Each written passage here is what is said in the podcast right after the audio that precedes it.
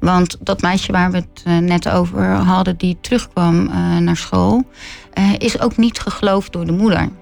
En ehm, ja, ja moeilijk, en dat is ontzettend heftig, want dan heb je het uiteindelijk verteld. En ja, dan, dan word je niet geloofd. Je luistert naar Love on Air, het programma waarin Handan spreekt met de ondernemers, de artiesten, de creatievelingen, de rebellen en de dwarsdenkers. Mijn naam is Chantal. Ik doe de productie van Love on Air en van Talk Love, Talk Sex. En dan gaat Handan nu naar haar gast. Jij bent dus zeg maar coach-consulent seksuele gezondheid, maar niet alleen seksuele gezondheid gewoon, maar volgens mij voor kinderen. Ja, ja of ook Voor, voor iedereen, zeg maar. Of hoe werkt dat? Uh, nou, in principe, uh, mijn opleiding is inderdaad wat breder dan hoe ik hem nu inzet. Maar ik werk op een uh, school voor speciaal onderwijs. Instituut Meesterschats in Rotterdam. En daar ben ik zowel kindercoach als leerkrachtcoach. En daarnaast heb ik de, de, de taak gekregen om consulent seksuele gezondheid te zijn. En dan kunnen en kinderen, ouders en leerkrachten eigenlijk bij mij terecht voor vragen rondom seksualiteit. Uh, daarnaast geef ik ook um, de um, oudere avonden omtrent uh, dat thema. En uh, ga ik ook nog wel voor andere bedrijven, geef ik ook trainingen binnen teams of in klassen. Oh, dus dat is, maar zijn die trainingen in teams en klassen, gaat het allemaal over seksualiteit? Ja, ja. Al die, iedereen, met iedereen praat jij eigenlijk over seksualiteit? Ja, ja, naast mijn werk als gewoon kindercoach. Dus ik heb ook wel gewone gesprekken, kindercoachgesprekken met kinderen en uh, met leerkrachten. Maar op het gebied uh, van die trainingen, uh, dat gaat echt over seksualiteit. Dus ouders die vragen kunnen stellen over hoe ze daarmee om kunnen gaan met hun kinderen. En leerkrachten van nou, hoe kan ik het bespreekbaar maken op school. Oké, okay. dus dat is best wel een heel interessant onderwerp. Ja, want je bent zeg maar, dit is ongeveer aflevering 75, in ieder geval op de podcast.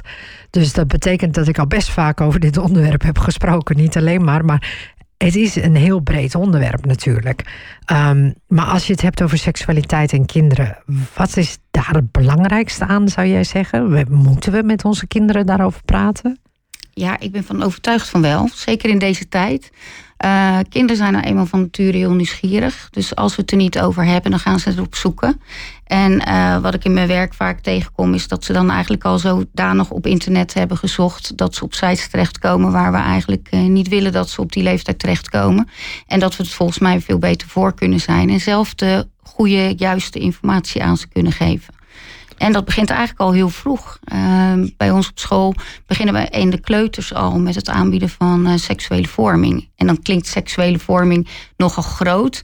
Maar dan gaat het bijvoorbeeld over uh, hygiëne of uh, baas over je eigen lijf. moet je je tante een kusje geven op een, op een verjaardag.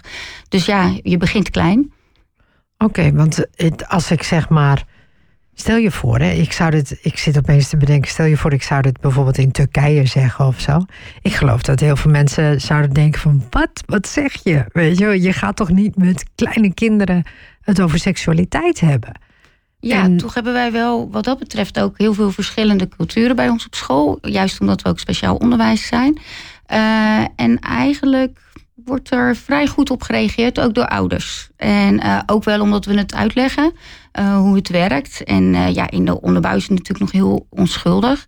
En wat je merkt in deze tijd is dat volwassenen het soms best wel heel lastig vinden om zelf het gesprek aan te gaan. En soms best wel een beetje blij zijn dat we hem op school aangaan. Dus dat, Omdat ze het zelf niet durven omdat ze dat zelf best een moeilijk onderwerp vinden. En ik vind het heel dapper als ouders naar een ouderavond komen en dat ook durven vragen. Van ja, hoe begin ik? En uh, ik begin eigenlijk ook altijd het gesprek met aan te geven dat ja, ik ben zelf consulent seksuele gezondheid. Maar mijn dochter die was denk ik een jaar of tien, elf. En uh, dat ik me realiseerde van ja, in hoeverre, ik zeg het wel tegen iedereen, maar in hoeverre heb ik het zelf eigenlijk thuis meegegeven. En uh, dat was eigenlijk een heel leuk gesprek, want mijn dochter zat er toen met een vriendinnetje tussen de middag. En ik vroeg haar van, uh, ja, wat weet je daar eigenlijk van? En uh, toen zei ze van, uh, nou, ik denk dat ik het best wel weet, maar nog nooit op school erover gehad bij, bij haar. En toen zei ik, nou, wat is dan bijvoorbeeld sperma? En toen zei ze, oh, dat weet ik. Dat is een sapje. En toen zei ik, oké, een sapje. Ik zei, oké, en waar kan je dat kopen dan? En toen zei dat vriendinnetje, oh, maar dat weet ik, in Amsterdam. Oh. Toen dacht ik, kijk, ik heb zelf ook nog best wel wat te doen. En eigenlijk begin ik ook heel vaak mijn uh, ouderavond met dit verhaal, omdat, uh, omdat het heel snel ertussendoor schiet. En dat ik ook wel uh, dat niet wil dat de ouders daar zich heel bezwaard of vervelend onder voelen. Maar ja, dat zelfs, hè, ik dat alles op school wel vertel, maar dat thuis toch een beetje, er hangt natuurlijk een ander sfeertje. en het, de vraag is soms ook in hoeverre willen kinderen alles horen van hun ouders. Nou, precies, dat is ook nog wel echt de vraag. Ja, want... ja. en dan is school net, net een stapje verder, dus dan kunnen ze er misschien net iets makkelijker naar luisteren. Ja, dat is een, uh, dat is een goeie. Maar, maar nu hoor ik in ieder geval dat je een dochter hebt. Maar um, ja, waar kom je eigenlijk vandaan? Ik kom zelf uit Zevenhuizen. En uh, ik heb wel een tijd ook in Rotterdam gewoond. Ben weer teruggegaan naar Zevenhuizen. Dus uh, ja, echt heel dorps opgevoed. En, uh, Zevenhuizen is dus heel klein. Is, ja, was, was heel klein. Zeker toen ik zelf nog jong was. En het is nu wel wat meer aan het uitgroeien. Maar je hebt nog wel echt de dorpscultuur die daar zit. En het ligt vlakbij Rotterdam. Dus ik werk in Rotterdam. En, en ik heb naast een dochter ook nog een zoon van 18. Oké, okay. en dan dus jij ehm, bent geboren in Zevenhuizen? Ja. Dus je bent daar ook opgegroeid? Ja, ja, ja. Dus je hebt, en, en, en wat voor opleiding heb jij dan gedaan? Um, Weet je, want hoe kom je bij consulent seksuele gezondheid? Ik vind dat altijd, blijf het altijd heel boeiend vinden hoe mensen op het onderwerp seksualiteit terechtkomen. Ja, en dat was voor mij ook helemaal niet zo heel vanzelfsprekend. Want toen ik zei dat ik de opleiding ging doen thuis, uh, een jaar of uh, zes geleden, dat ik zei, me daar weer meer wilde op richten. Uh, toen viel de hele familie van zijn stoel. Want als iemand er eigenlijk vroeger helemaal niet over praatte, dan was ik dat. Um, maar nou, laat ik beginnen bij waar ik vandaan kom. Uh, ja. Ik ben, uh, ik heb de MDGO agogisch werk gedaan. van daaruit ben ik de PABO gaan doen. En ben ik gelijk al voor de klas gaan staan, gelijk voor speciaal onderwijs. Dus ik heb 25 jaar voor de klas ook gestaan. Uh, tegelijkertijd ben ik me vooral heel erg gaan richten op het pedagogische stuk. Dus uh, ben sociaal vaardigheidstrainer en ik heb daar me vrij breed geschoold. Totdat ik er op een gegeven moment achter kwam van best wel vreemd eigenlijk dat we in dat hele sociale gebeuren nooit het onderwerp seksualiteit ook bespreken. En voor mijn gevoel is dat net zo een ja, waarde, normen. Hoe, ga je ermee om? En toen ben ik uh, eigenlijk naar de directie gestapt van de hele stichting. En dat is Stichting Horizon in uh, Rotterdam. En toen heb ik dat ook gevraagd. Van, joh, ik heb uh, bij wat scholen nagevraagd. Maar er wordt gewoon eigenlijk heel weinig aandacht aan geschonken. En hoe kan dat? Wij zijn speciaal onderwijs. wij zijn eigenlijk ook wel de potentiële doelgroep voor kinderen hè, waar misbruik plaatsvindt. als of als slachtoffer. En hoe kan het dat we er zo weinig aandacht aan besteden? En uh, toen mocht ik de opleiding gaan doen. En uh, toen heb ik een tijdje geprobeerd die opleiding zeg maar, op alle scholen binnen onze stichting uh, te verspreiden. En dat was best nog wel een soort lastig. Want ja, niet iedereen zat erop te wachten. Want het was weer iets wat we er extra bij moesten gaan doen.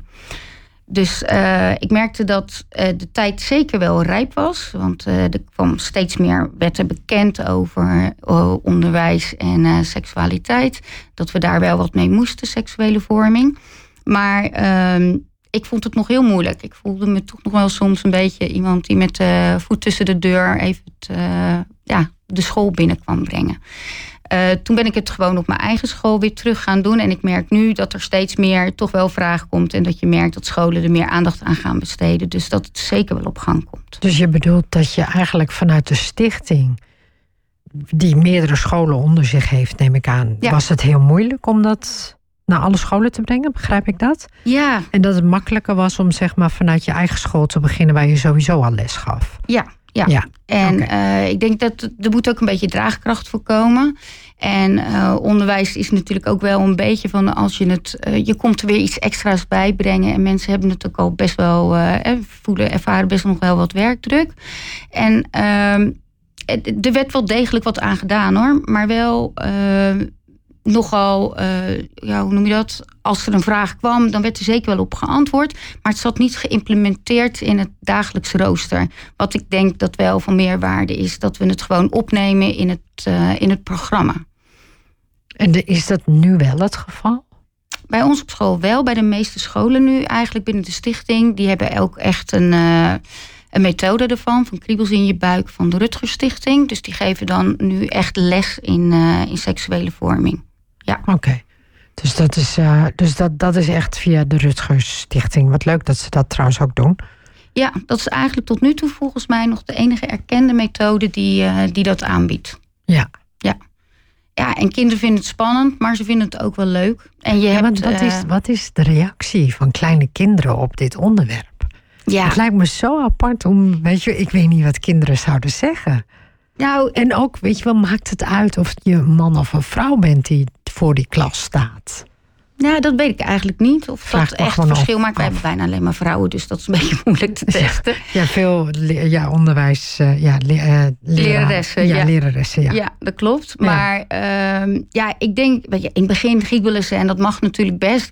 Je mag er best uh, lachen dus als je, over zijn. Als je zes bent, giebel je er al over? Ja, zeker wel. Ja, het woord billen is natuurlijk al genoeg om even goed te lachen met z'n allen. Maar dat mag ook. En je merkt wel naarmate het gewoner wordt om het erover te hebben, uh, reageren ze ook veel rustiger er eigenlijk op. Dus uh, nou, ik, ik vind dat kinderen het eigenlijk ook best wel goed kunnen ontvangen. Er ook heel open over kunnen praten. Maar wat je wel merkt is dat er een groot verschil zit tussen kinderen. Hè? De een is er nog helemaal niet mee bezig en de ander die is er veel nieuwsgieriger naar. Dat, daar daar uh, zit wel verschil, uh, ja, verschil absoluut. in. Ja. Want uh, ja, je zegt bijvoorbeeld als, als, als je het over het woord billen hebt dan beginnen ze al te lachen. Maar hoe kan het nou toch dat, dat kinderen eigenlijk daarmee, dat ze erom moeten lachen? Ik vind het zo apart, want omdat je eigenlijk nog geen idee zou moeten hebben dat dat schaamte zou moeten zijn, toch? Nou, wel op die het? leeftijd, dan begint dat eigenlijk wel de schaamte. En uh, ja, ik geef ook altijd wel aan ouders aan, kijk, uh, er komt een leeftijd en dan hoort dat ook wel bij de ontwikkeling, dat je schaamte gaat vormen. En wat je dan ziet is dat kinderen de, de badkamerdeur bijvoorbeeld op slot gaan doen of uh, zichzelf bedekken als ouders binnenkomen. En uh, dan hebben we het daar ook wel eens over. En dan zeggen ouders, ja, dan uh, zeggen we van, hé, hey, doe niet zo gek, ik heb je nog gezien toen je in je luiers lag. tegelijkertijd zeg ik altijd wel, wees er heel erg alert op dat een kind op dat moment eigenlijk begint met het leren aangeven van eigen grenzen. En als wij zeggen van doe niet zo gek, hè, ik, uh, ik mag dat gewoon wel zien. Dan zeg je eigenlijk, ik heb op dat moment uh, ja, malingen aan jouw grens en ik stap er gewoon overheen. Uh, plus, wat is het signaal als iemand anders tegen jou zegt, jij mag dat niet doen. Want je hebt geleerd dat dat niet, dat dat niet echt een grens aangeven is. Dus eigenlijk geef ik aan ouders aan, wees daar juist heel erg duidelijk in. Van, oh nou, hartstikke goed dat je het zegt. Uh, ga ik zeker rekening mee houden. Want dat is wel het begin van het aangeven van grenzen. Ja, dat je daar dus op die manier mee omgaat. Oké, maar ik, ik vond het al gewoon zo gek dat kinderen dat al hebben op die leeftijd. Hè? Dus dat, dat vind ik gewoon. Ik dacht dat dat veel later was. Dat ze, weet ik veel, 14 of zo zouden zijn. Nee, nee dat hoort wel echt bij die, uh, bij die, bij die leeftijd. leeftijd. Ja, ja, dat dat begint. Dat okay. uh, die schaamte begint te ontwikkelen. En je ziet bij veel kleinere kinderen, bij kleuters bijvoorbeeld, uh, dat ze dat nog helemaal niet zo hebben. Hè? Die ja. kunnen rustig met z'n tweeën in de wc even de broek naar beneden kijken wat de ander erin heeft zitten. Ja. dus dat, nee, dat, dat, daar op die leeftijd kan dat zeker nog wel. Ja, en maar dat is dus ook omdat wij. Want denk je als wij in onze maatschappij anders zouden omgaan met seksualiteit, dat dat ook anders zou zijn? Of dat dat, hoort dat gewoon bij de mens of zo? Nou ja, ik denk dat het echt bij de ontwikkeling hoort, omdat we hem ook echt universeel kunnen aangeven. Op die leeftijd begint het, uh, ja. het ontwikkelen van het schaamtegevoel eigenlijk. Ja. Uh, en ik, ik denk wel dat er verschil in zit naarmate je thuis vrijer bent of minder vrij. Maar wat je wel ziet in op het moment is, ja, zijn we natuurlijk best wel preuts aan het worden met z'n allen. Uh, dat zeggen we de hele tijd. Maar is dat ook echt zo? Want nou, aan de andere kant zie je ontzettend veel op internet. En ja. we blijven maar zeggen, we worden zo preuts met elkaar. Waar volgens mij, ik heb het idee dat we niet zo snel meer topless liggen. Uh, maar verder is alles op internet te zien.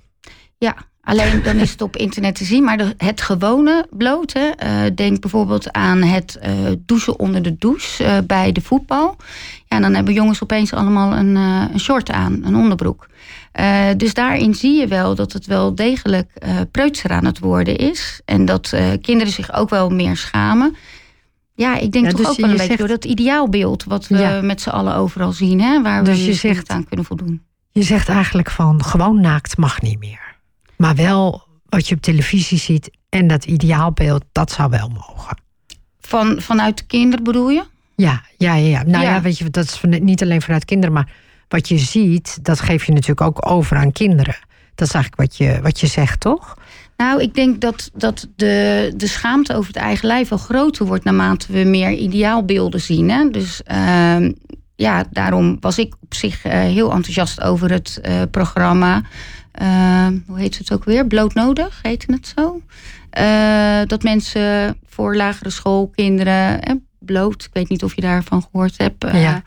ehm, niet zozeer om, maar vooral om dat stukje weg te halen. Van ja, wat is eigenlijk gewoon bloot? Hè? Hoe ziet een gewoon lijf er eigenlijk aan uit? Daar zijn we wel een beetje van aan het vervreemden. Want alles is natuurlijk gefotoshopt en ideaal. En eh, ja, je ziet wel dat kinderen daar heel onzeker van worden met hun lijf. En ik denk dat dat ook wel maakt dat ze het minder laten zien. Ja, en dat begint al heel jong, zeg je dat al? Ja, dat, Serieus? Ja, als ik zie hoe jong de kinderen al selfies maken en die moeten dan helemaal ideaal zijn. Ja, dat vind ik soms wel eh, lastig om naar te kijken. Want ik zie allemaal mooie kinderen, maar hè, ehm, als je, nou neem mijn dochters leeftijd, die is 15, die kunnen 300 selfies nemen, waarvan ze er één misschien Instagram waardig vinden. Dan denk ik, ja, ik zie alleen maar allemaal mooie foto's. Hoe jammer dat je er zo naar kijkt. Ja, Dus dat is ook wel het stukje wat we meenemen in die lessen. Van ja, hoe reëel zijn die beelden allemaal, hè, die je ziet overal. ja. Ja, die zijn natuurlijk niet zo heel, eh, heel reëel, dat klopt. Ehm, ja, dat is wel waar. Dus dan, je zegt eigenlijk dat schaamte daar al bijna begint met hoe, hoe, het, hoe het beeld naar ons toe komt. Ja, en ik herken hem zelf. Hè, als je ziet eh, eh, al die mooie mensen, dat je denkt: oh, hm, eh, als ik van de zomer weer het strand op ga, ziet het er toch anders uit. En dan ben ik nog volwassen en ik weet hoe, hoe het werkt, zeg maar. Dus Ja, ja, ja. Nou ja, nou, tenminste, al die mooie mensen zie je vaak wel op televisie of zo, maar of op YouTube of waarop. Maar als je gewoon het strand op gaat, dan heb je heb dat. dat ja. klopt. Dan ziet het er allemaal al- ook gelukkig het- anders uit. Ziet het Ja. er toch heel anders uit, weet je? Dat je denkt, nou ja, weet je, dus we zijn allemaal maar heel gewoon, weet Ja, je? Dat, ja, eh, ja. Ja, maar dat gun je ook kinderen, dat ze dat weten. Dat De- ze dat zien, toch? en dat ja, dat zien. is, eh, en dat ze dus minder schaamte hebben over hun, eh, over hun lijf. eh. Ehm, maar denk je dan, want ik was eh, paar weken terug, was ik per ongeluk, eh, iedereen gaat lachen dat dat per ongeluk is, maar het was echt serieus per ongeluk, was ik op het naaktstrand van Zandvoort. ik wilde s'avonds wat gaan drinken. En, en we liepen zo. En, en toen dacht ik opeens van hé, hey, want het bleek de einde van het seizoen te zijn. En opeens waren er allemaal naakte mensen die s'avonds het water ingingen. Ehm, en ja, ik weet niet, ik, moeten, moeten kinderen vaker naar het naaktstrand? Nou, ik weet dat ik als kind dat afschuwelijk zou hebben gevonden. Kijk, ik vind dat er sowieso niks moet.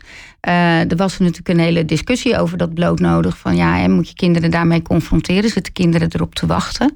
Eh, Nederland verscheurde bijna in tweeën als je de reacties erop zag. En ik denk, ja, ik ben sowieso niet van het moeten. Als een kind het niet wil, dan wil je niet. Eh, want Nee, niet alle kinderen zitten daarop te wachten. Nee, maar ik snap, nee, dat snap ik. Maar stel je voor, je gaat met je kind, zou je zeggen van goh, wil je, moet je dat aan, eh, niet moet, maar kun je dat aanbieden dan? Eh, nou ja, dan is zo'n programma natuurlijk heel mooi. Hè? Van, zullen we samen eens kijken hoe het eruit ziet? Dat vind ik eigenlijk wel heel mooi om met je kind te gaan kijken. Er zit een kind erop te wachten. Ehm, dat kan je dan gewoon vragen. Eh, ja, en misschien zijn sommige kinderen staan die ook wel open voor een naakstrand. Ik heb geen idee. Ik, was dat in ieder geval niet zo'n kind. Dat, Dat, eh, dat, maar dat denk je. Of heb je dat nee, geprobeerd? dat weet ik zeker. Oh, dat dat weet ik je- zo'n kind niet was. Nee, Nee, maar ik bedoel, een vriendin van mij, die is, haar ouders gaan naar een naakstrand, normaliter. En die is met haar dochter, en die is zeven, die, is, die zijn naar, een, naar haar ouders gegaan. En daar was iedereen naakt. En ze zei, nou ja, de eerste paar uur is het lachen. Want dan zeg je gewoon, kijk die blote billen, kijk die blote billen. En daarna zegt ze, was het helemaal geen probleem. We hebben de hele week het hartstikke leuk gehad. Ja, ja. Weet je, dus dat... Ik denk ook dat het heel erg scheelt van hoe bied je het aan, eh, met wie ben je er en hoe ben je opgevoed, hoe zijn je normen en waarden. Dat neem je natuurlijk wel mee op, eh, eh, op, op die zoektocht naar eh, wat is gewoon. Ja, want ik heb wel het idee bijvoorbeeld, want in het buitenland blijft men dit soort dingen als iets zeggen tij- aan kinderen ehm, die zo jong zijn over bloot en laten zien. En dat vindt men in het buitenland heel, heel apart. Hè? Ik bedoel, dat, eh, dat blijft zeg maar een dingetje van Nederland en Zweden en alle noordelijke West-Europese landen. Dat, eh, dat schijnt gewoon heel anders te zijn. Of tenminste, dat is anders dan Zuid-Europa, volgens mij. Ja. ja, en ik weet niet hoe, hoe Nederlanders er nu in staan. Want als, ik, eh, als we dan weer die discussie pakken Mhm. over dat programma, dan denk ik zo, er waren echt wel hele heftige reacties op. Dus- Vertel eens over die reacties dan. Wat, wat vond jij dus Nou, er waren heftig? echt wel reacties ehm, dat ze dat echt vonden te maken hebben met seksueel misbruik. Hè? Dat je kinderen. Dit eh, is dus precies waar ze, waar ze het aan linken. Ja. En eh, ja, daar schrik ik dan van, omdat ik denk, ik vond het een hele mooie intentie. En nogmaals, ja, misschien zit een kind er niet op te wachten. Dan vind ik ook, eh, kijk, ik geef ehm, ook vaak extra lessen in de klasse eh, rond de week van de lentekriepels. Maar dan vraag ik ook aan de kinderen wie daar eigenlijk eh, aan mee willen doen aan die lessen. En als ze echt niet willen, dan vind ik ook dat dat niet hoeft. En ik moet wel zeggen eh, dat dat misschien komt. ik heb een tijd geleden een lezing gehad van Martine Del Vos. Ik weet niet of je daarmee bekend bent. Oh. Nou, zij is echt zeer deskundig op dit gebied. En eh, na die lezing was ik naar haar toe gegaan om, eh, omdat ik vroeg, mag ik eens wat vragen? En toen zei ze, nou kom eens op gesprek met mij. En ehm, toen heb ik een heel gesprek met haar gehad. En toen stond ik echt nog helemaal aan aan het begin van mijn werk erin.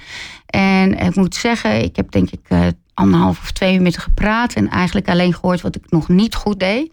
En dat heeft me wel... eh, eh, Jammer. uh, ja, dat was Ja. jammer. En aan de andere kant vond ik het ook heel leerzaam. Want, want zij, wat zij heel erg heeft, is bedenk dat niet alle kinderen eh, toe zijn en ehm, ja, willen meegaan in dat wat jij te vertellen hebt.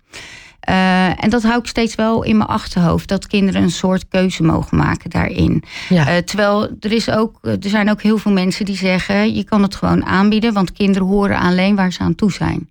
Maar bij mij blijft altijd nu een beetje die waarschuwing. eh, als kinderen niet willen, geef ik ze ook echt de keus. Dan hoef je niet. En ik merk dat er dan soms is een kind eh, eh, ook echt zegt... nou, dan ga ik liever even in een andere klas iets doen. Is ook prima. En soms komen ze halverwege dan toch nog. Maar als er geen druk achter zit en het moet... denk ik dat dat ja, wat meer draagkracht ook bij kinderen... van, oh, ik moet niet per se...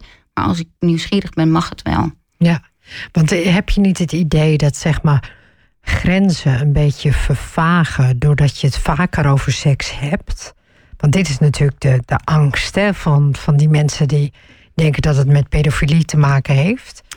Ja, dat, eh, maar eigenlijk hebben we het over hele normale dingen. En eh, Ja, zijn we dat vind- beeld ik- soms een beetje kwijt. Ja, vind ik ook hoor. Alleen ik, maar ik vraag Ja. je gewoon de dingen die ja, ik denk. nee, die, ik eh, snap het. Nee, ik, eh, ik bied ook eigenlijk vaak aan leerkrachten het vlaggensysteem aan. Ik weet niet of je dat kent. Nee, Het uit. vlaggensysteem is een meetinstrument uit België. En dat hebben ze ontwikkeld door eigenlijk ehm, ja, zes deelgebieden. Het gedrag in zes deelgebieden te eh, splitsen. En dan te gaan kijken, is, is het op elk gebied oké? En zo niet, dan, ehm, ja, dan kunnen we ons zorgen maken. En eh, dat gaat bijvoorbeeld over, is dat wat er aan de hand is, eh, is daar toestemming voor gegeven? Is er sprake van vrijwilligheid? Is, de, de, is het gerelateerd aan de ontwikkelingsfase? Hè? Een kleuter die doet natuurlijk heel ander gedrag. Dat die eh, zijn piemel op het schoolplein laat zien.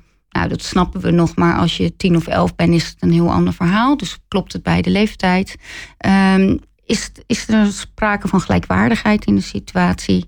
Eh, klopt de context, dus de omgeving eh, waar je het in doet? En hoe staat het met het zelfrespect? Volgens mij had ik er nu zes.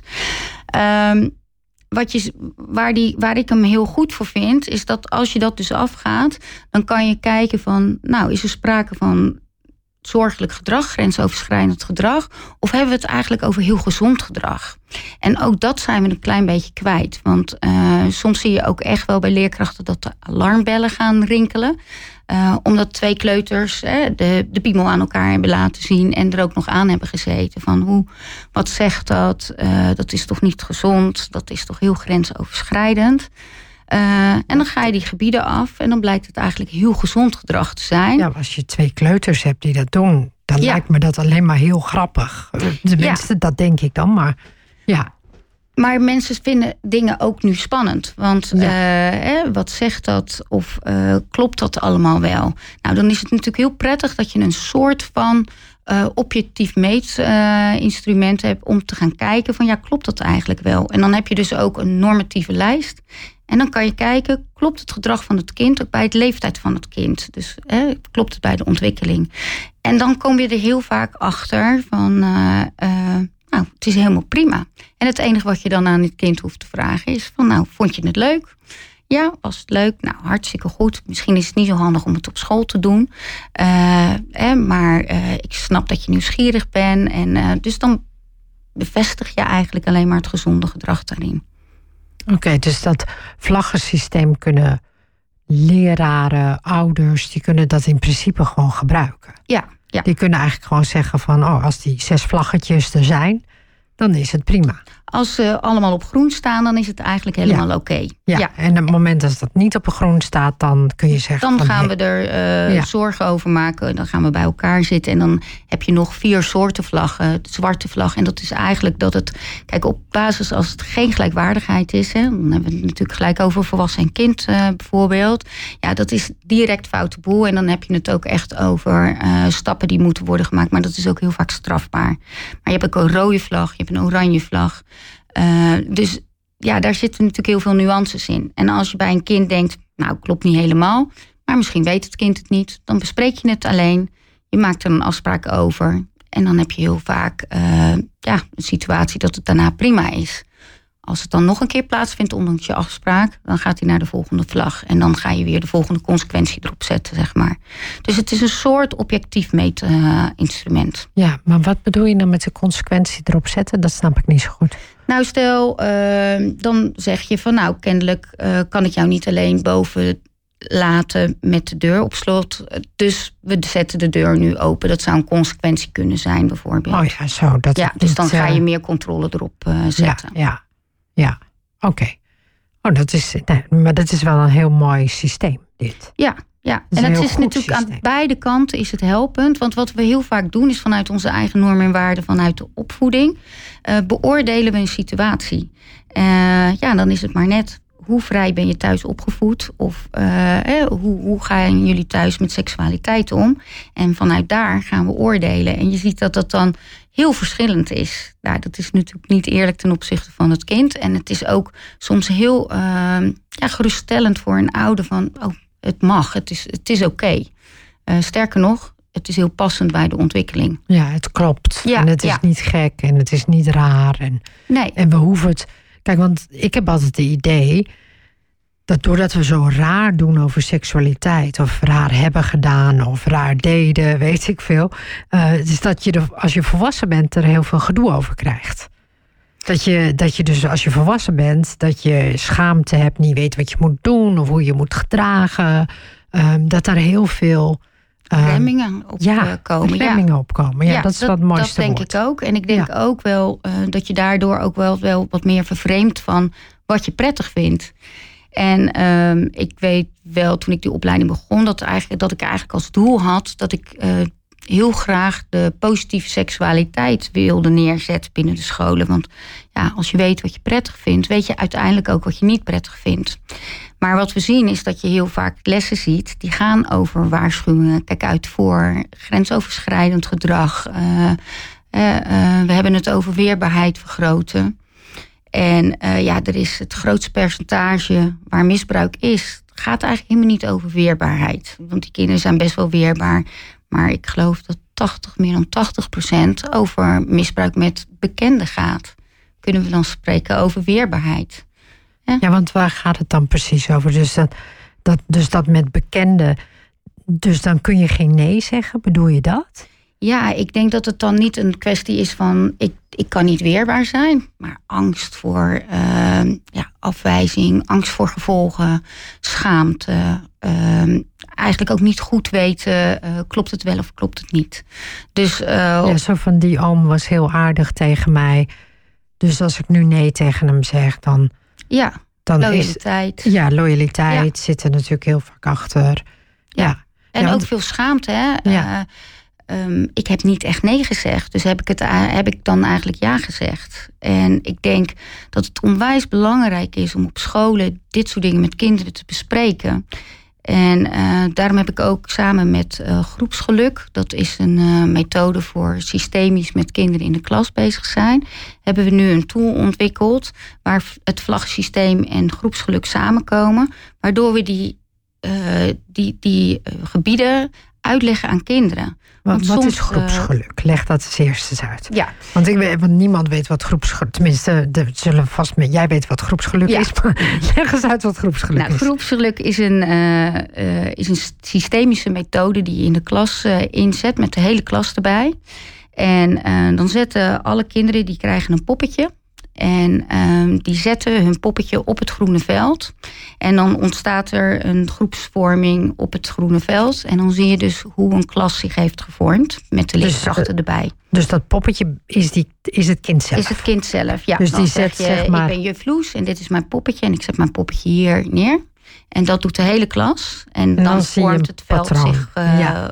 vol met kinderen. Ja. En dan zie je dus ook eigenlijk hoe een groep gevormd is. Want je ziet kinderen alleen staan en dat maakt je bespreekbaar. En het is een hele mooie methode, want het is een systemische methode. Dus je hoeft er eigenlijk niks aan op te lossen. Het maakt soms dingen zichtbaar. En kinderen die mogen ook dingen aangeven met, uh, met symbolen erbij. En uh, ja, daar komen hele mooie gesprekken uit. Nou, dat doen we in de klas ook. En uh, nu heb ik samen met uh, Desiree Varro, uh, die is van groepsgeluk, nu het vlaggensysteem zeg maar, in kaart gebracht voor kinderen. En die kunnen dan vanuit dat poppetje gaan kijken naar een situatie in het midden.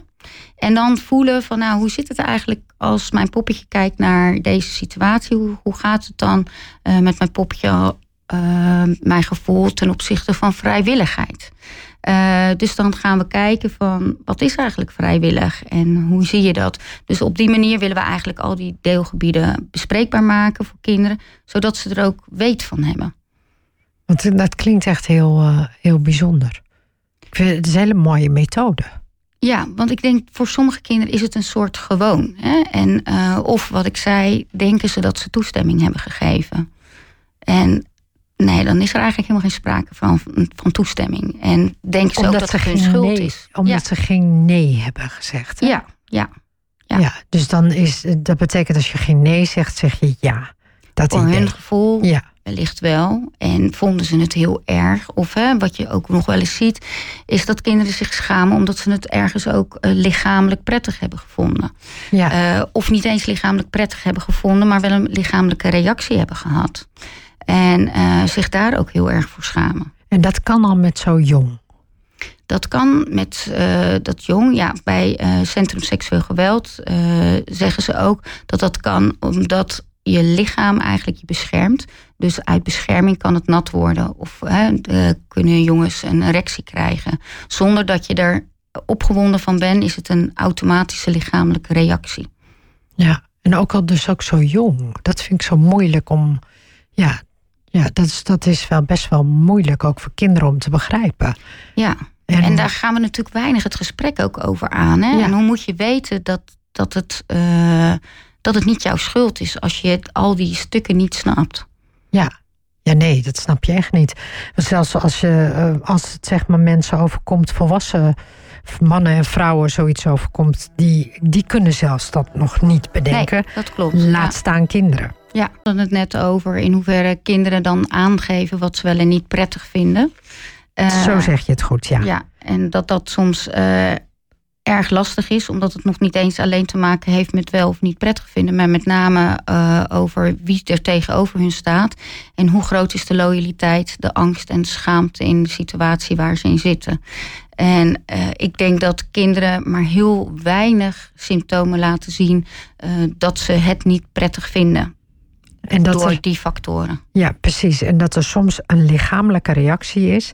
En die kan al ehm, heel jong kan zo'n lichamelijke reactie plaatsvinden. Ja, want een lichamelijke reactie staat in principe los van of je het prettig, uh, als prettig ervaart of niet. Akkoord. Dus dat is. En, maar stel je voor, hè, want dit is natuurlijk precies het ding wat ja, pedofielen zeggen. En laten we daar dan ook maar gaan, naartoe gaan, weet je, naar dat, naar dat onderwerp. Want hier, hier zijn de meeste mensen dan zo bang voor. En wat ik ook snap. Um, dus stel je voor, want, dat, dat, want heel veel pedofielen. En ik had het net al een beetje, zei ik het al snel, weet je, op het moment als je het boek van Nabokov, weet je, waarin Lolita een soort van, weet je, dat kleine meisje wordt, wordt verheerlijkt als zijnde iets, eh, als een soort ideaalbeeld. Um, en dat heel veel pedofielen zeggen, ja, maar kinderen vinden het zelf ook leuk en wij doen eigenlijk niks slechts. Wat, wat is daar het ding mee? Ja, ik denk dat kinderen heel weinig uh, tegengas durven geven. Uh, waardoor ze niet actief misschien nee hebben gezegd, maar ook zeker geen actief ja. En het niet actief nee durven zeggen heeft met heel veel andere factoren te maken in plaats van dat je het leuk vindt. Uh, op het moment dat er ongelijkwaardigheid in het spel zit, hè, we hebben het net gehad over het vlaggensysteem, is het gewoon uh, altijd niet oké. Ehm, dus kinderen die die kunnen op dat moment soms uh, of bevriezen of niet aangeven. Ja, en dat gaat uh, met name over al die factoren van schaamte, angst. Uh, ook angst voor gevolgen. Hè. Als ik het zeg, wat gaat er dan gebeuren met, hè, met die mensen of met mijn ouders? Dus kinderen zullen maar heel weinig eigenlijk signalen geven van dat, dat er iets is gebeurd wat niet oké is. En ehm, ja, je vroeg net ook van zie je dat op school dan ook terug? Ehm, nou, dit is bij mij ook wel een beetje ontstaan, uh, deze kant op. Uh, omdat er een aantal jaar geleden, dat is best al lang geleden, uh, is er een oud leerling. En die was ondertussen echt volwassen, had zelf een, een kind. Die is naar me toegekomen en die vertelde me, nou die belde eigenlijk eerst of ze een gesprek met me mocht. Omdat zij in mijn eerste jaar bij mij in de klas had gezeten. Dus dan hebben we het echt over 26 jaar geleden. Um, en ik voelde al een beetje aan van nou, je hebt, je hebt nog iets te doen over die periode. En ik ben met haar in gesprek gegaan en toen heeft ze me het hele verhaal verteld over hoe het met haar was gegaan in de tijd dat ze bij mij op school zat, uh, in de klas ook zat. Uh, zij werd thuis uh, seksueel misbruikt door de stiefvader. En zij vroeg mij: heb je dat wel eens gemerkt? En nee, ik heb het nooit gemerkt. Uh, buiten het feit dat ik aan het overleven was in die klas, want het was een van mijn eerste jaren. Uh, gaf ze ook die signalen niet af. Want wat zijn dan die signalen? Ja, precies. Wat zijn dan die signalen? Hoe zou je het dan kunnen herkennen? Er zijn signalen waarvan je kan denken, hè, er is een lijstje. Uh, maar ik weet wel dat uh, ook daarvan uh, Centrum Seksueel Geweld zegt... ja, dat lijstje kan je net goed overboord gooien. Want het kan ook over hele andere dingen gaan. Ja. kinderen hebben natuurlijk een enorme taak voor zichzelf... om het juist onzichtbaar te houden. Dus ehm, wat ik wel denk wat heel goed is, dat je kinderen zoveel mogelijk mogelijkheden geeft om wel in gesprek te gaan met ze en die onderwerpen wel bespreekbaar te maken. En door bijvoorbeeld zo'n vlaggensysteem aan te bieden, dat ze weten: oké, het is niet mijn schuld. Dat hoop je dat dat eraf gaat. Maar het feit, zeg maar, kijk, als je stiefvader zoiets doet, het is zo, volgens mij zo onveilig om zeg maar, zelfs bij je docent het aan te geven. Ja. En wat dan? Weet wat, je, wat volgens de gevolgen? Hè? Precies, wat gaat er dan gebeuren? Weet je, volgens mij is dat het. Ik heb ook in het onderwijs gezeten, maar dan um, heb ik. Um, ik heb um, bij een VMBO heb ik stage gelopen. want ik deed de leraaropleiding. En ik heb dus een briefje gekregen van een meisje waarin ze dus zei dat ze seksueel werd misbruikt. Maar ik ben toen, nou, ik was een jaar of 18, want ik ben, was een redelijk vroege leerling. En ik, ik zat met dat briefje en dit, was, was een stageklas. En natuurlijk was er geen docent, want die laten heel vaak stagiaires gewoon het zelf doen. En ik ben toen met dat briefje naar de directeur gegaan en gezegd van kijk wat er is gebeurd. En zij hebben toen gezegd dat lossen wij op. Daar heb ik toen wel heb ik gedacht, ja goed, weet je, dat, dat, maar tot op de dag van vandaag denk ik er nog steeds over na. En dan denk ik van, is het ook echt opgelost. Ja. Ik vind dat zo erg, weet je, want zij durfde een briefje bij mij neer te leggen Ja. en te zeggen dus dat, er, dat, dat, dat ze seksueel werd misbruikt. En weet je, oh, dat vind ik zo nog steeds zo erg dat ik dat Ja. niet zelf heb kunnen oplossen. Weet je, en dat was dan een meisje van 14 of zo, maar toch, weet je, Ja, dat. ja. eh, Het gaf wel aan dat ze je vertrouwde trouwens. Dus dat is op zich ja, en ik eh, zat, voor ik jou zat ja, maar ik zat er nog niet zo lang natuurlijk. En het leeftijdsverschil was natuurlijk niet zo groot, weet je. Dus dat denk ik dat dan het makkelijker is om het te vertellen. Ja. Nou, wat ehm, een tijd eh, terug ben ik eh, begonnen met een eh, eigen gemaakt instrument. Dat heet eh, Wij in de Wei. En hoe hoe heet het precies? Wij in de Wei. Wij in de wei. Ja. Wij in de wei. Wij in de Wei. Met ja. dan IJ, wij, IJ. Ja, en, En dan- EI aan het Ja, eind. de wij in de wei, Het, ja, gaat, het is ook echt een wij. En ehm, dat, dat neem ik af op scholen bij eh, alle, alle kinderen. Nou, ik doe bijvoorbeeld eh, elk jaar, we beginnen volgende week weer. eh, alle kinderen van de school krijgen dan een kwartier ongeveer. En dan ga ik mee in gesprek. En dan staat er ook een wij. En dan mogen ze, net als bij groepsgeluk, hun eigen schaap in de wei zetten. Twee schapen van klasgenoten waar ze zich prettig bij voelen. Twee andere schapen waarvan ze zeggen, nou, die zou ik eigenlijk liever in een ander weidje hebben, maar die horen er wel bij. En dan gaan we ook kijken waarom. Eh, de, de groepsleiding of de klasseteam wordt er eigenlijk ook ingezet.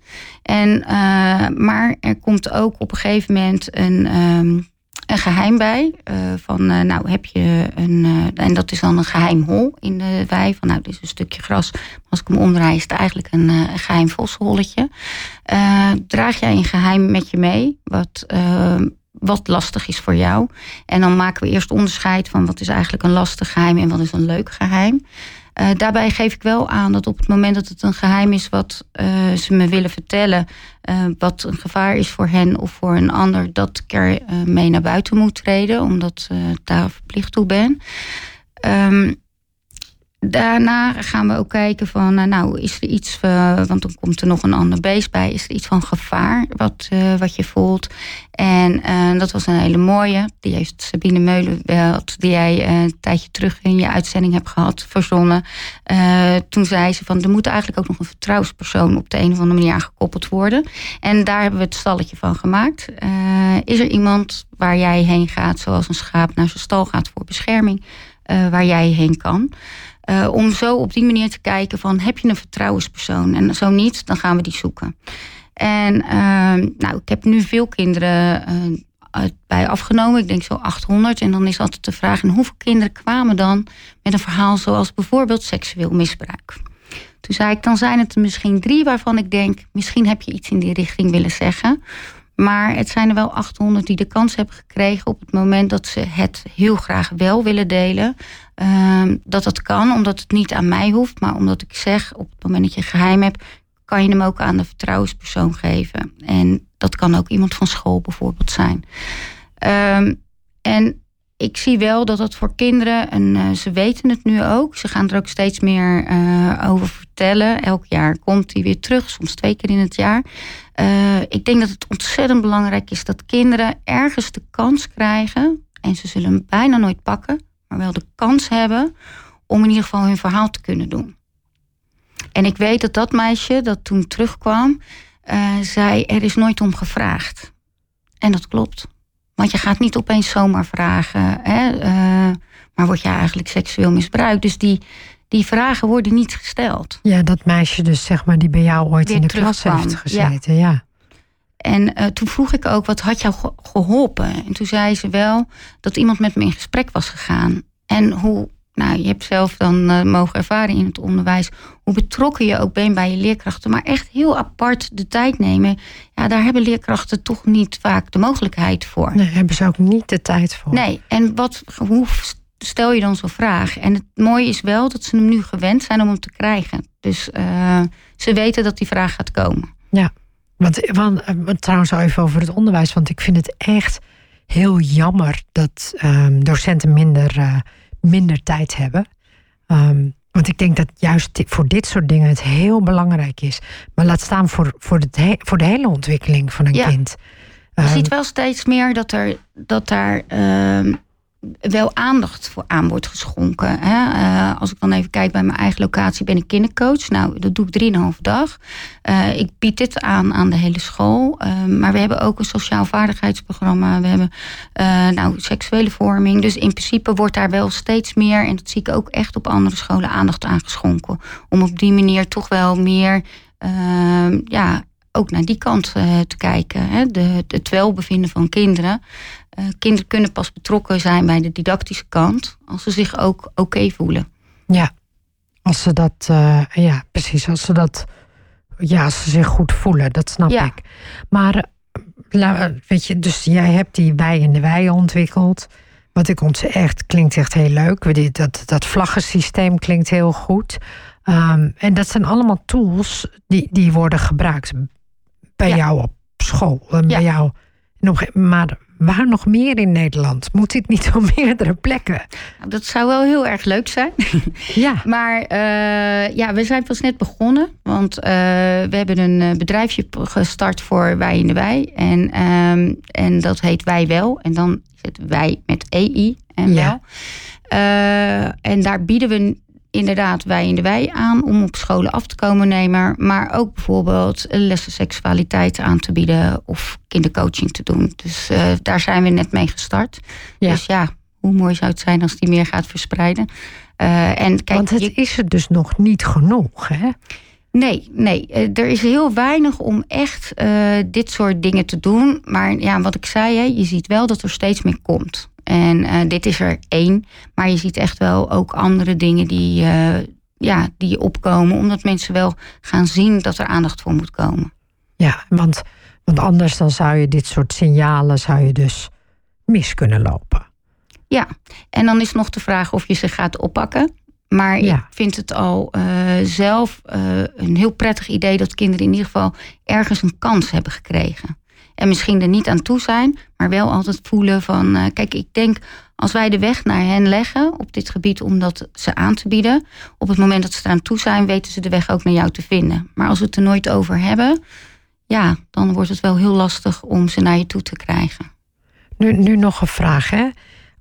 Zeg, um, heb jij het idee dat zeg maar, seksuele... Ja, dus een pedofilie en dergelijke, dat dat minder is geworden of dat dat meer is?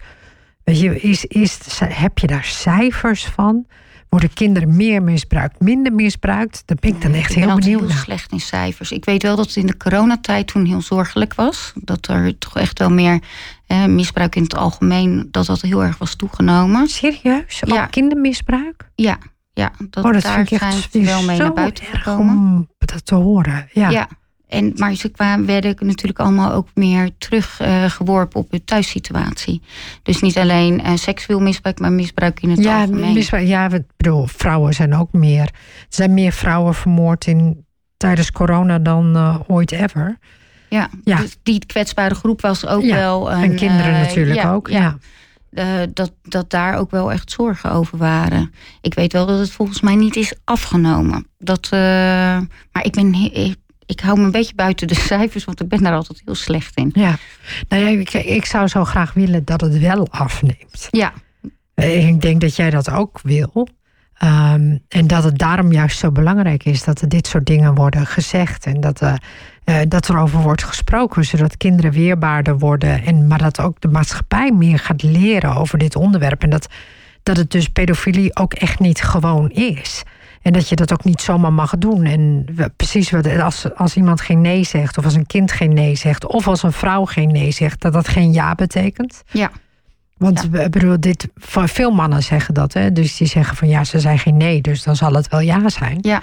Nou, wat natuurlijk mooi is geworden, is dat er in de wet daar wel iets in veranderd is. Uh, want waar uh, mensen voorheen actief uh, nee moesten zeggen, uh, voordat een ander strafbaar was, is de wet daarin aangepast en hebben, uh, moet je actief ja hebben gezegd.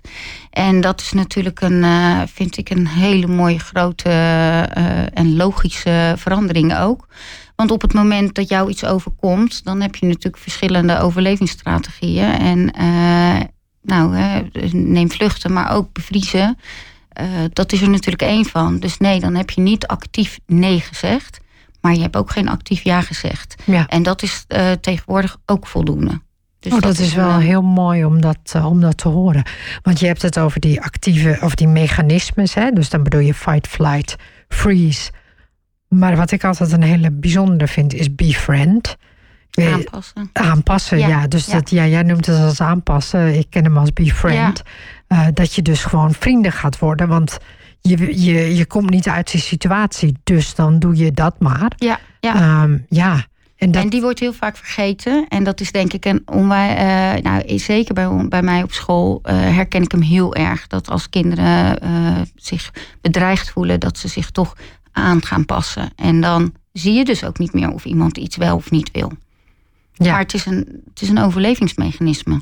Ja, en je kunt, je, zou, je kunt het bijna niet anders doen. En hoe zit het dan met, dat heb ik ook wel eens gezien, dat een, uh, dat een vrouw zeg maar rond haar dertigste zei van ik ben seksueel misbruikt. En dat mensen haar niet geloofden, omdat ze er toen pas voor eruit kwam ja, dat is natuurlijk afschuwelijk. Ja, die, die, die situaties, en dat hoor je natuurlijk ook bij kinderen. Ja. Uh, ik denk ook dat het te maken heeft met wat doet het met je omgeving. Hè? Op het moment dat je dat hoort, uh, is dat denk ik ook bedreigend voor een omgeving. Daarom worden kinderen soms denk ik ook niet geloofd. Want dat meisje waar we het uh, net over hadden, die terugkwam naar school, is ook niet geloofd door de moeder. En ja, ja en dat is ontzettend heftig, want dan heb je het uiteindelijk verteld. En uh, ja, dan, dan word je niet geloofd. Ja. ja. want je hoort dit soort verhalen wel vaker. Weet je, hoe als moeder of als vader, hoe kun je je kind dan niet geloven? Dat vind ik ook moeilijk. Ja, ja. is het dan, ben je dan bang voor de consequentie als ouder? Weet je, dus dan ben je met zo'n vader of zo'n stiefvader samen, of misschien is het je vriend, zeg maar. En, die, en dan denk je van, oh, die zal dat nooit doen. Weet je hoe. Ja, ja het zal ook vanuit angst zijn, of uh, ook zij zullen weer hun mechanismes hebben, uh, waardoor ze op die manier gaan reageren. Ja, ja, ja zeker. Zeker. En dit, maar zelfs in zo'n land als Nederland, hè, bedoel, stel je voor je woont in Afrika en je bent van zo'n man afhankelijk, uh, dan, dan denk ik van, oh ja, weet je, dus dan kom, kom, je niet weg of zo, dus dan kun je niet anders.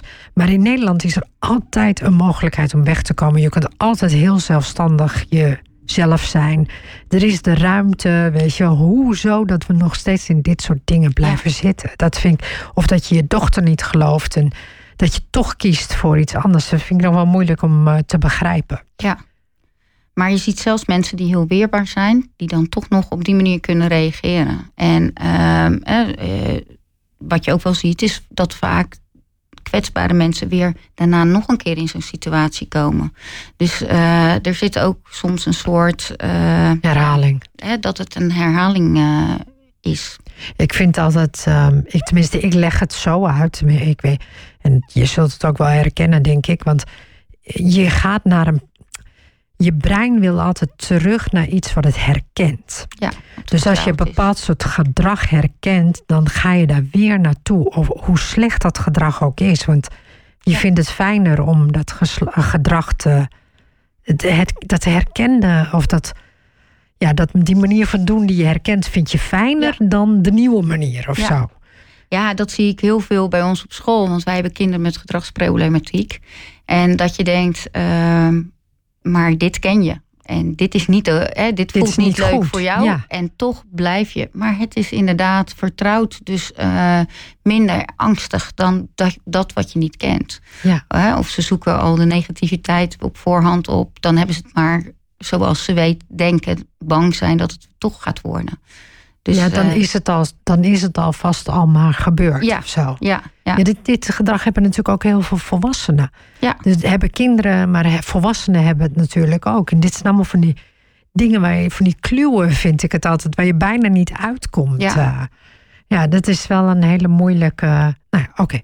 Laten we, maar er staat op de site van uh, Centrum Seksueel Geweld staat echt heel veel informatie over dit onderwerp. Dus uh, ja, kan mensen alleen maar aanraden. Kijk ook op die site als je de vragen over hebt, want hij is heel informatief. En ook ehm, hij verwijst heel makkelijk door naar op het moment dat je in aanraking komt met zo'n situatie, wat je dan moet doen. Ja, en als je en jullie willen, of jij wil in ieder geval meer die positieve kant op.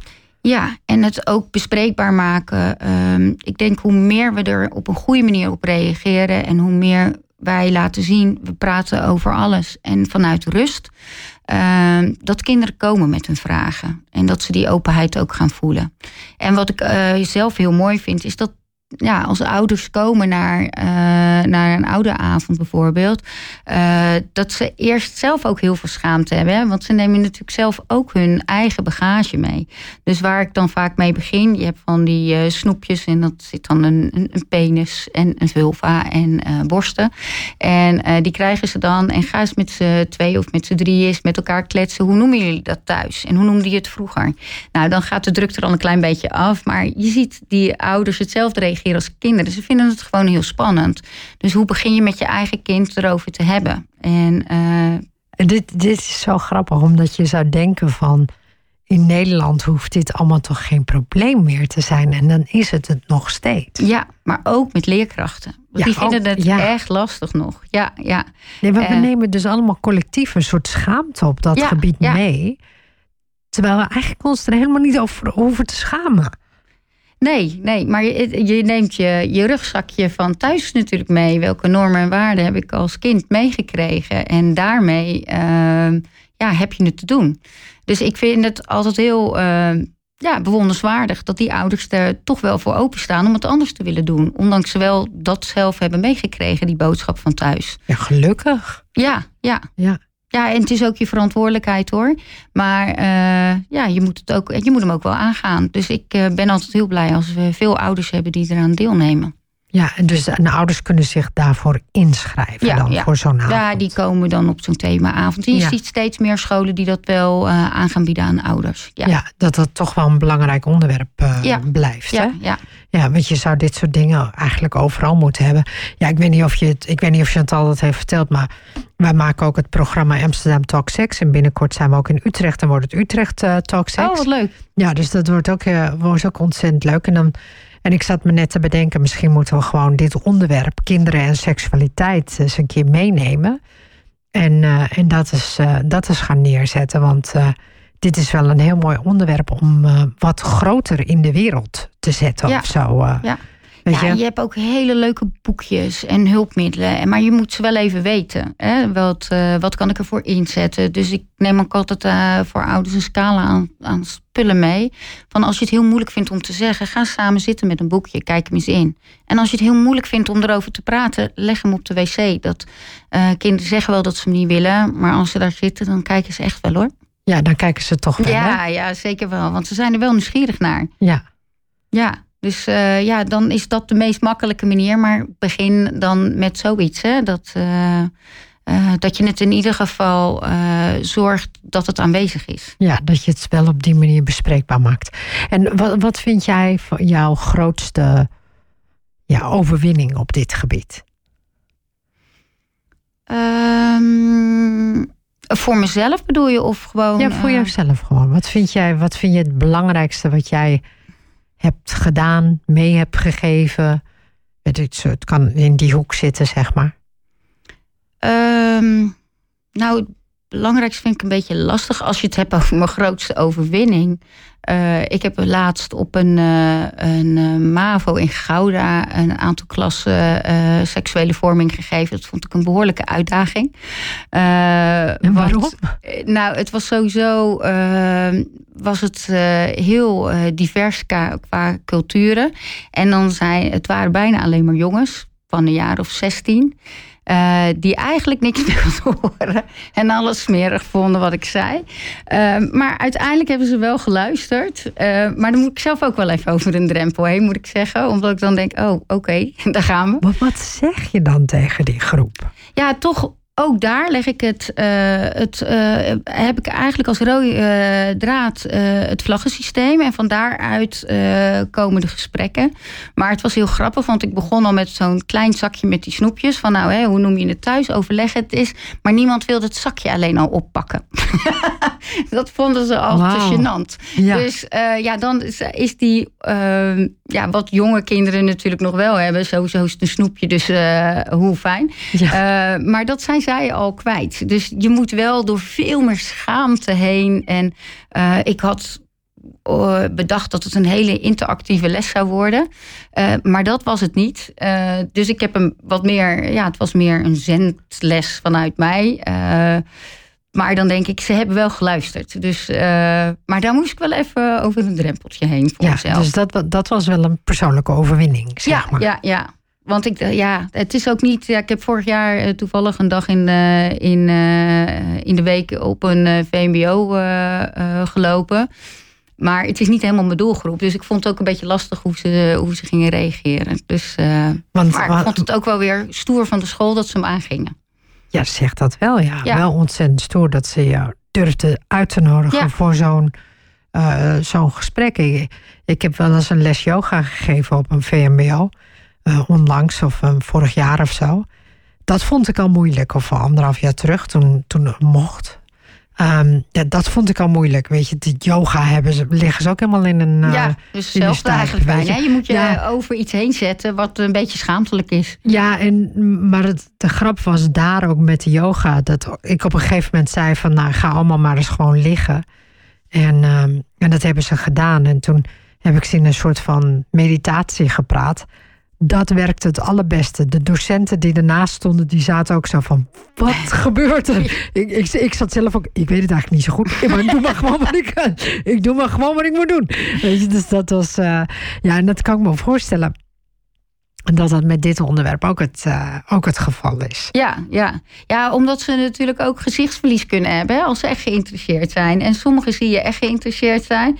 En een aantal die gaan al direct onderuit zitten van nou, dit boeit me niet. Oké, ik luister, want het moet. Uh, uh, maar ja, ik denk dat ze wel degelijk heus wel geïnteresseerd zijn, maar het vooral niet willen laten tonen. Dus, en, en hoe zit het dan met het internet, wat zoveel over seksualiteit laat zien?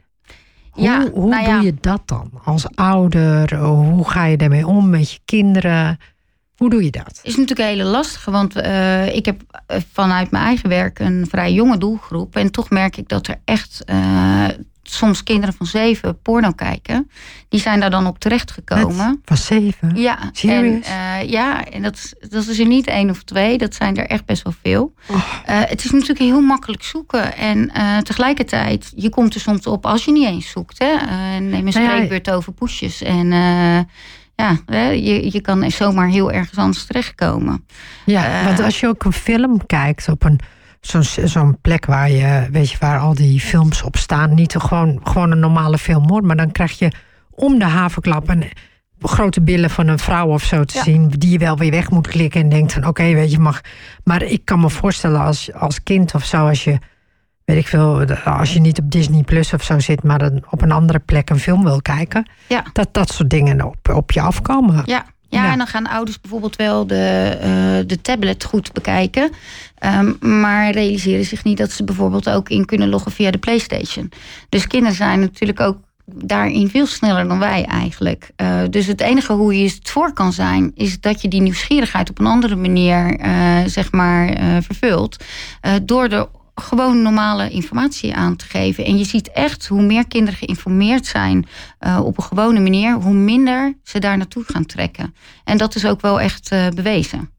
Dus de, hoe meer wij er op een goede manier informatie uh, in krijgen, hoe minder ze zelf gaan zoeken en het op de verkeerde site zien. Ja, en nu je zegt, hè, kinderen van zeven, is dat dan want dat vraag ik me dan ook af. Hè. Meer meisjes, meer jongens, maar gelijk? Meisjes en jongens? Ja, hoe, dat hoe vind ik moeilijk dat? om te zeggen. Omdat ik altijd in het speciaal onderwijs heb gewerkt. En Oh ja. dat zijn bijna alleen maar jongens. Uh, maar ik weet dat er ook meisjes zijn die daar uh, kijken. Ja. Um, en ouders vinden het soms ook lastig. Dus het enige wat ik dan eigenlijk weer doe in de, in de coaching is: wat hoort er eigenlijk wel bij jouw leeftijd? En wat doe je? En in welke leeftijd hoort dat dan thuis? Dus soms maak ik letterlijk envelopjes met leeftijden erop. En dan zeg ik: Nou, hè, die filmpjes, hoort dat bij jou? Nee, dat is, eh, hoort in een hele andere leeftijd. En dan Dus gaan we het echt in de envelopjes weer doen. Dus dan zeg eh, je, porno hoort niet bij een 12-jarige. Nou, nee. eh, ik, Hoe, hoe, hoe? Ja, en dan kan je weer naar die normatieve lijst kijken. Wat hoort er bij welke leeftijd? En Ja. daar gaan we ze er dan in stoppen. Dan betrek ik daarna ook ouders erbij. Zodat op het moment dat zij eh, zeg maar daar tegenaan lopen... dan kan, hè, zat dat in dat envelopje? Nee, dus dat is nog niet voor nu. Ehm, maar we kunnen het natuurlijk niet terugdraaien. Hè? De- ze hebben al dingen gezien die we niet meer eh, terug kunnen draaien. Dus ze hebben er wel een andere start. Maar je hoopt wel om ze weer zoveel mogelijk terug te nemen naar wat hoort er dan wel bij jouw leeftijd. Dat je ze daar weer wat makkelijker in mee eh, kan nemen. Maar ik denk dat er veel meer kinderen dingen zien dan dat wij als ouders ons realiseren. Ja. Want ik hoor heel veel ouders, ja, maar dat doet mijn kind niet. En ik hoor heel veel kinderen eh, die wel degelijk kijken. Ja. Ja, nou ja, het is volgens mij ook. Weet je, het is al voor volwassenen al moeilijk om daar niet naar te kijken. Ik zeg altijd, waar we het liefst naar kijken is seks en eten. Ja. Dat vinden we het allerleukste om naar te kijken. Weet je, er is ergens in ons brein gaan er dan allemaal lichtjes aan als we naar seks of eten kijken. Ehm, dus ja, daar, daar kijken we naar. Daar gaan ons ook onze ogen naar. Volgens mij ook die van kinderen. En, en porno is op zo'n manier gemaakt dat je er wel bijna naar moet kijken Ja. of zo. Ja. Dat En wat je ziet is dat ze- en de, de, ja, Ja, als ze eh, eh, een softporno gewend zijn, gaan ze ook al snel verder naar eh, andere dingen zoeken. Dus eh, ja, je moet toch wel echt dat van eh, direct verbieden als ouder. Porno wordt gewoon niet gekeken op een bepaalde leeftijd. Dus, dus je verbiedt het ook direct.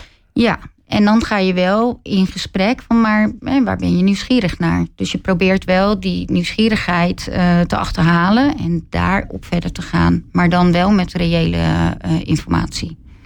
Oké, dus dan, dan ga je wel met als ouder het gesprek aan met je kind. Ja. En je verbiedt het wel en zegt van goh, weet je, hoe, waar kan ik, wat kan ik je wel aanbieden, Ja, zeg maar. ja. Wat bij jouw leeftijd Waar hoort. ben je nieuwsgierig naar? Ja. Dan gaan we daar eens naar kijken hoe we daar samen eh, informatie over kunnen vinden. Want eh, kennelijk ben je nieuwsgierig en dat mag. Hè? Dat past bij elke Mhm. leeftijd, nieuwsgierigheid.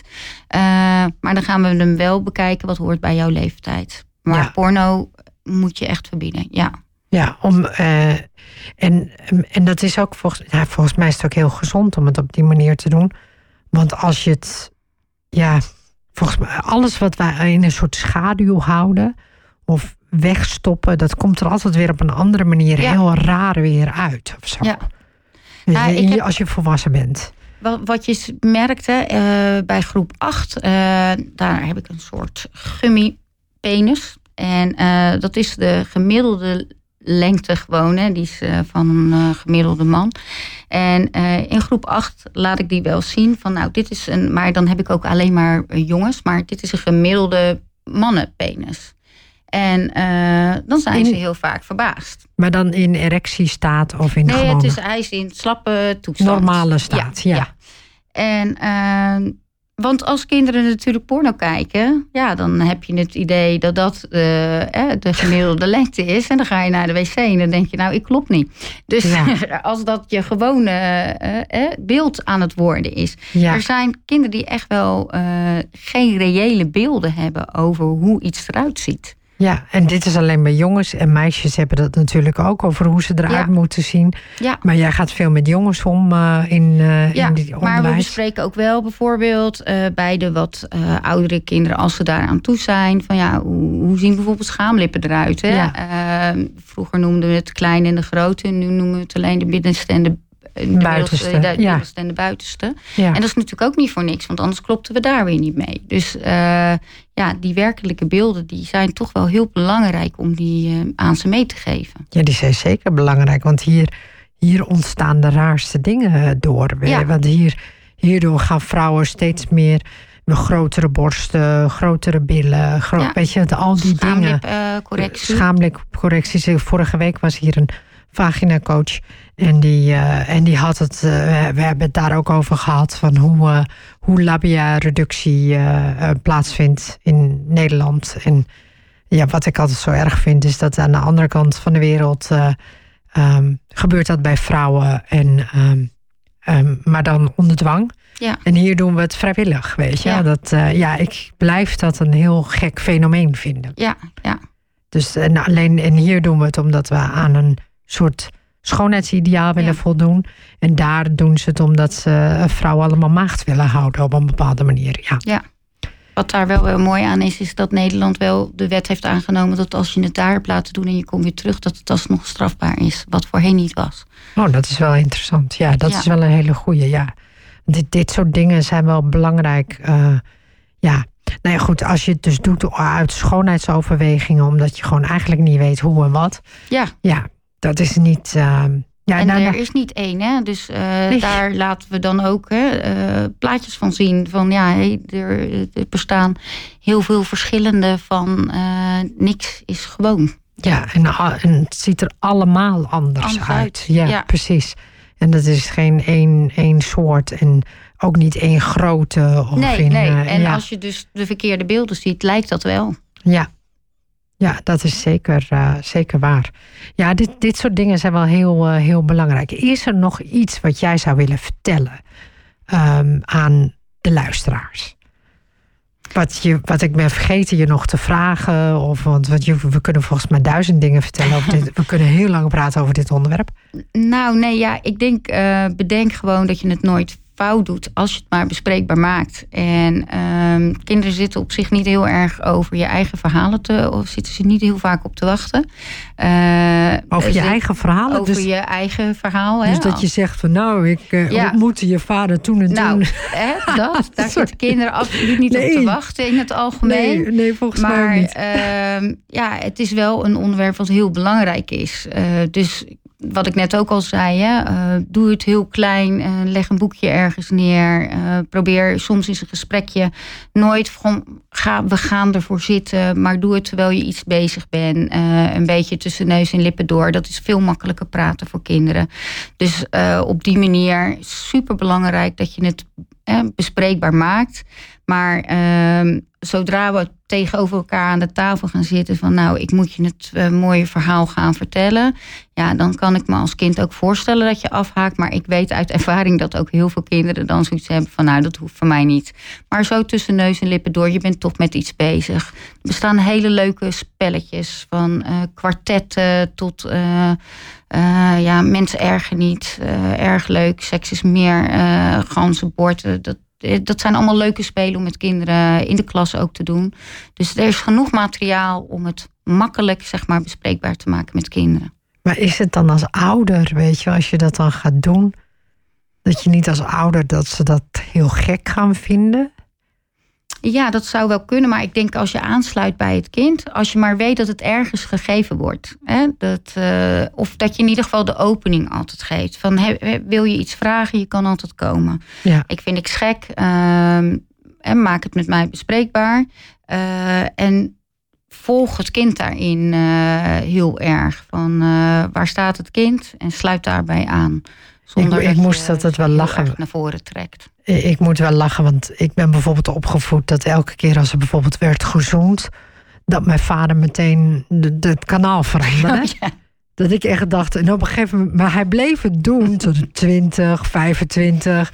En hij bleef dat doen, dat ik echt dacht van, pa, kom op, weet je. Want je denkt toch niet dat ik, nou, ik denk, ik laat hem maar. Want elke keer als er iets van genegenheid ontstond, Oh ja. hop, was het, eh, veranderde die van kanaal.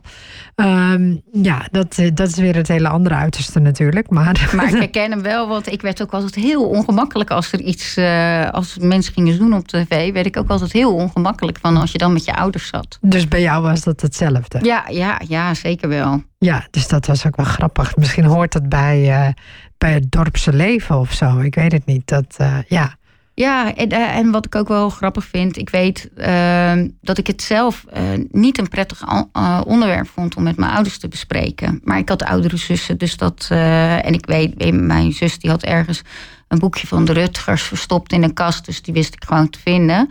Maar het gesprek aangaan met mijn ouders heb ik zelf ja, niet, nooit gedaan eigenlijk. Nee, snap ik. ja. ja. Nee, ik heb Turkse ouders, dus dat ging niet dat bij alle Turkse ouders zo is. Maar bij de mijne was dat heel moeilijk. Maar de bibliotheek was voor mij echt de beste uitkomst ever. Dus ik heb, via de bibliotheek heb ik wel me goed kunnen inlezen. Ja, en dat, heb je ook eh, eerlijke informatie uh, waarschijnlijk ja, kunnen vinden. Schijnbaar, denk, ja, dat denk ik ook. Heb ik ook eerlijke informatie gekregen. Maar dat, dat was wel de uitkomst in die tijd. Ik dacht, weet je, zo kon je het lezen. En uh, zo wist je ook, weet je, van hoe een vrouw eruit zag. Weet je, dat, dat heb ik allemaal. Want ik, heb, ik kan me niet heugen dat ik dat op mijn lagere school, laat staan op mijn middelbare school heb gekregen. Nee, ja, voortplanting. Hè? Dan uh, werd het echt heel biologisch. Misschien zelfs dat niet meer. Ik ben in Noordoost-Groningen opgegroeid. Volgens okay. mij deze dat dan niet.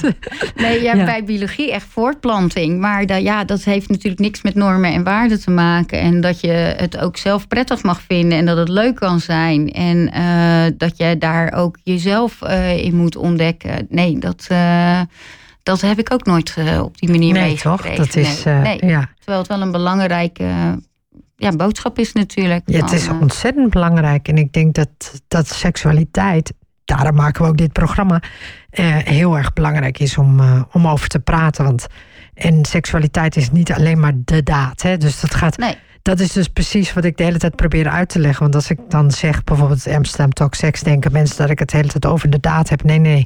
Het gaat om alles wat er omheen is. Ja, ja. En er is zoveel omheen.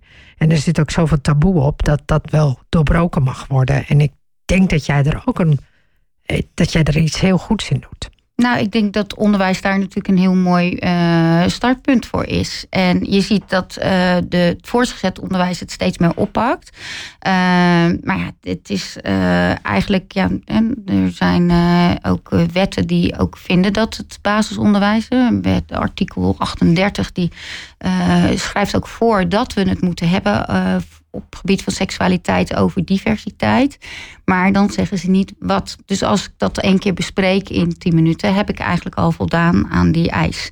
En dat is natuurlijk jammer, want uh, het gaat over zoveel meer. En hoe meer je het gewoon uh, implementeert en uh, het er iets gewoons, gewoon onderdeel van maakt. Ja, des te meer weten kinderen jou ook te vinden op het moment dat ze zich ergens niet oké bij voelen. Ja. Daar ben ik wel van overtuigd. Ja, nou, dankjewel. Je, maar, je doet volgens mij fantastisch goed, uh, goed werk. Nou, dankjewel.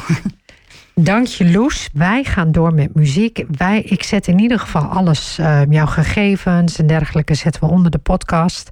Dus mensen kunnen jou dan vinden en ook je site, wij wel, volgens mij, kunnen, ze dan ook, uh, kunnen ze dan ook vinden. Ik wil je heel hartelijk bedanken voor je komst. En um, ja, laten wij doorgaan met muziek. Ja, dankjewel.